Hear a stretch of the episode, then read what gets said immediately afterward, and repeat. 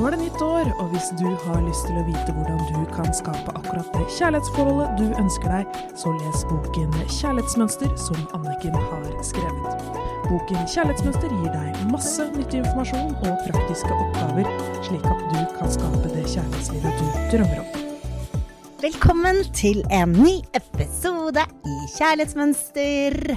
Og i dag så skal Anniken Lien Mathisen, som har skrevet Kjærlighetsmønsterboka, og jeg, Bjørg Torasdottir, snakke om hva er de største tidstyvene?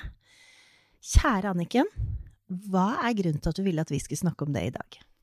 Det er fordi at uh, veldig mange, uh, og det er jo samtaler som vi har hatt også, går jo ut på at hvorfor får, får jeg ikke tid til det jeg egentlig har lyst til? Hvorfor går bare dagene mine uten at den kvaliteten jeg egentlig har lyst til å fylle de med, er til? Så ikke sant? Det å stille seg selv Er du god på å få gjort det du ønsker i hverdagen? Er du bevisst hvordan du bruker tiden din? Har du noen gang spurt deg selv om hva har du mest lyst til å bruke tiden din på? For hvis ikke vi er bevisst dette, så ender det opp med at plutselig Ja, det kan jeg gjøre, eller Ja, det har, ja jeg kommer. Ikke sant? Man sier ja takk til veldig mye mer og tar på seg mer ansvar enn det man egentlig har tid, krefter og energi til, så ender man opp med å ikke få tid og krefter til det man egentlig har lyst til å bruke livet sitt på. Ja, jeg um, vet at det har vært en viktig del av min coaching med deg, det med tidstyver og sånn, men det er fordi at jeg hadde jo egentlig ikke plass til å ha kjæreste. Uh, så vi hadde en utrolig interessant eh, øvelse som uh, kan være en av ukens oppgaver.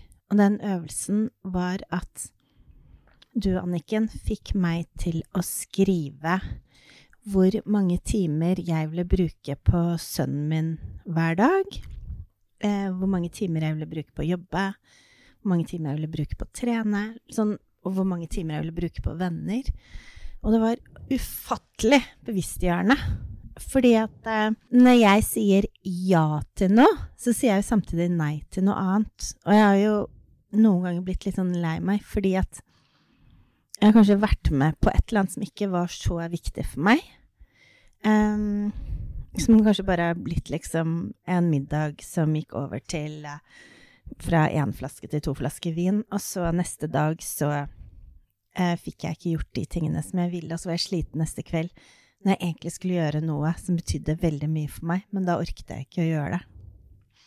Og var bare sånn halvveis med, eller liksom sliten.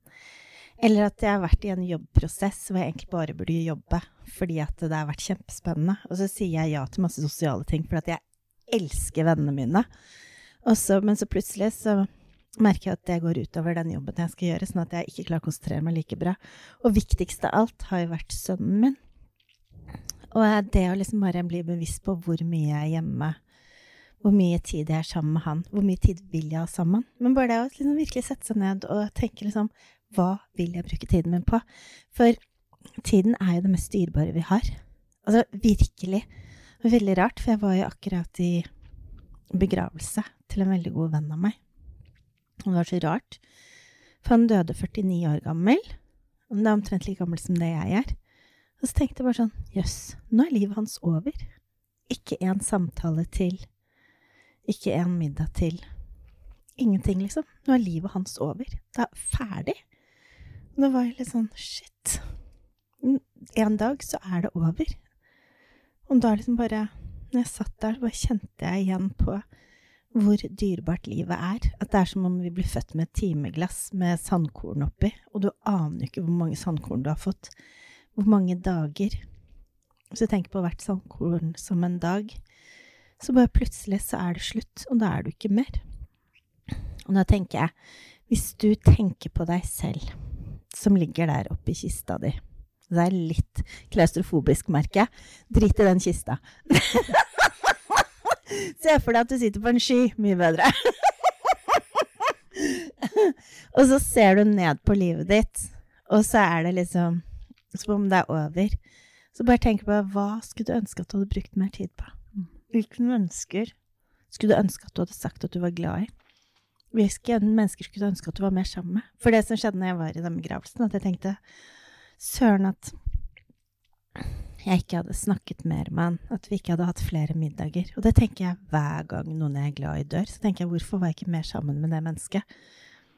Mm, en av mine bestevenninner døde for syv år siden, og hun Ganske sånn rett før hun døde, mm, så kom hun innom meg bare fordi hun kjørte forbi huset mitt, eller var i nærheten av huset mitt. Og så stoppet hun og banket på døra helt sånn uinvitert, holdt jeg på å si. Eller hva heter det? Ja. Spontanbesøk, heter det vel. Um, og så ble jeg så utrolig glad når jeg så henne der. Men jeg satt liksom midt i en eller annen deadline eller et eller annet, så jeg ble bare stående i døra, og så ga jeg henne en klem, og så dro hun. Jeg visste jo ikke at det var en av de siste gangene jeg skulle se henne. Og etter at hun døde, så tenkte jeg bare på Skulle ønske jeg kunne gå tilbake til den stunden. Skulle ønske jeg hadde liksom bare tatt henne med inn og bare vært sammen med henne og snakket med henne og ja. Så det å forstå hvilke ting som er mest verdifulle for deg, og hvilke mennesker som er mest verdifulle for deg. Fordi at det er så innmari lett å bruke tid på de som maser mest. De som liksom står foran deg og vifter med armene. Så er det kanskje noen som står bak der, som egentlig er de som gjør hjertet ditt større hver gang du møter dem. Mm. Og så er det jo også det at det er jo mye tid vi trenger å bruke med oss selv også for å få den kvaliteten vi trenger på livet. Og mange synes det er veldig vanskelig å gjøre noen ting for seg selv, fordi vi ser ikke verdien, vi føler et tomrom når vi ikke får en sånn ekstern bekreftelse. Så det vi gjør kun for oss selv, bak lukkede dører, er det jo ingen som ser eller applauderer. Og da får det ofte ingen betydning for oss, så behovet for ytre bekreftelser ender jo ofte opp med store tidstyver i vårt liv. Og det var litt det som du sa, at de som snakket høyest, de som ropte høyest, de fikk oppmerksomheten, mens de som sto litt bak, var kanskje de som du hadde mest kjærlighet for og, og hadde mest lyst å bruke tiden din med. Og derfor så er det så viktig å være tydelig på tidstyver. Hva er de største tidstyvene i livet ditt? F.eks. sosiale medier, perfeksjonisme, andres behov for oss, tilpasning for å føle seg verdifull. Ikke sant? Men å heller da være veldig tydelig på hva er det jeg har lyst til å bruke tiden min på? Hva er det aller viktigste for meg? Og det gjelder ikke alltid at det skal inkludere andre. Det kan være noen ting hvor vi trenger å fylle opp oss selv. Men da tenker jeg også Eh, for den alenetiden er ekstremt viktig for meg. Jeg fungerer ikke hvis ikke jeg har alenetid.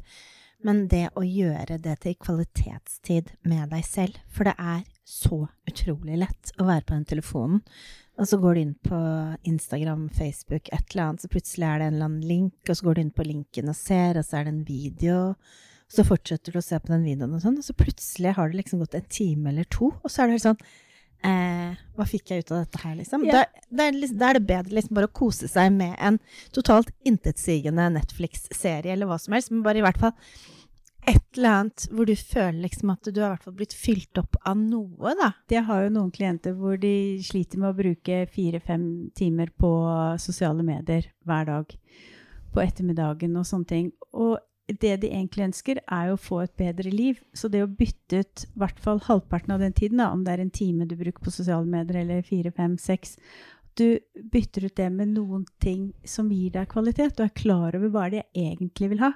Fordi det er jo en veldig trist å gi fra seg store deler av livet sitt på tidstyver som egentlig ikke gir deg noe tilbake. Og jeg må bare si det at eh, nå har jeg vært singel i tre-fire år. Og jeg har lagt merke til at sånn på kvelden, når jeg ikke har hatt en varm armkrok å krype opp i, og har liksom lagt meg opp i sengen alene og ikke, Jeg er ikke ensom, men jeg er liksom der alene, liksom. Og så bare er det kveld, og jeg er trøtt og litt sårbar og sånn, så er det akkurat sånn som det å da gå på sosiale medier det er en eller annen sånn form for å få bekreftelse, eller ikke bekreftelse, men bare å få kjærlighet på, på en måte. De har jo bygd opp sosiale medier sånn at, du, at det er avhengighetsdannende, for at du får Du skal liksom få den Det er litt sånn samme følelsen som å være sammen med et menneske, på en måte. Så det eneste at når du er på sosiale medier, så gjorde de jo en Harvard-undersøkelse eh, hvor de hadde mange hundre Dette er jo kvinnebasert, da, men eh, hvor de hadde mange hundre kvinner. Og så spurte de hvordan de kvinnene følte seg før de skulle liksom inn på internett og, og inn på Facebook og Instagram og alt mulig rart. Og de fikk ikke forklart hva som var greia. De, de visste ikke om du skulle liksom få spurt om hvor mange hus de hadde sett mens de scrolla, eller de ante liksom ikke hva som kom til å være spørsmålet. Så det var liksom bare sånn, på en skala fra én til ti, liksom, hvor er du på lykkeskalaen nå? Og da svarte gjennomsnittet at de var på åtte, sånn mellom syv og åtte. Eh, og så, eh, når de var ferdig med å scrolle i to timer, så var de nede på fem, mellom fire og fem. Så det når jeg liksom skulle legge meg på sengen og finne litt kjærlighet, på en måte, eller, jeg bare Ja, litt flaut. Men da eh, eh, Det eneste jeg gjorde, var at jeg følte meg mer elendig. Så Og jeg trengte sykt mye selvdisiplin for å bare bestemme meg for å legge den telefonen i et annet rom. Klokken åtte, og så gå opp i sengen og tenne stearinlys og sette på fin musikk og lese bok og ta fotbad og gjøre sånne fine ting for meg selv, hvor jeg faktisk ga meg selv egenkjærlighet, hvor jeg kanskje gikk fra en syv-åtte til, liksom, til ti, og var bare full av egenkjærlighet når jeg var ferdig. Men det trengtes ganske mye selvdisiplin til, det var ikke så lett, men etter hvert så ble det enklere og enklere, og det var sånn superdeilig sånn yoga-ullmatte, sånn yin-yang, yang-yoga, yin-yoga, ja, matte som jeg gjør sånn kveldsyogaøvelser på. Som jeg har funnet på det store internettet, da. Men, uh, men da, altså, da, følte jeg så Da var det sånn at jeg våknet neste morgen, og så kjente jeg nesten sånn forelskelsesfølelse inni meg. Um, så en, hva du bruker tiden din på, er jo også bare hva du bruker tiden på når du er alene også.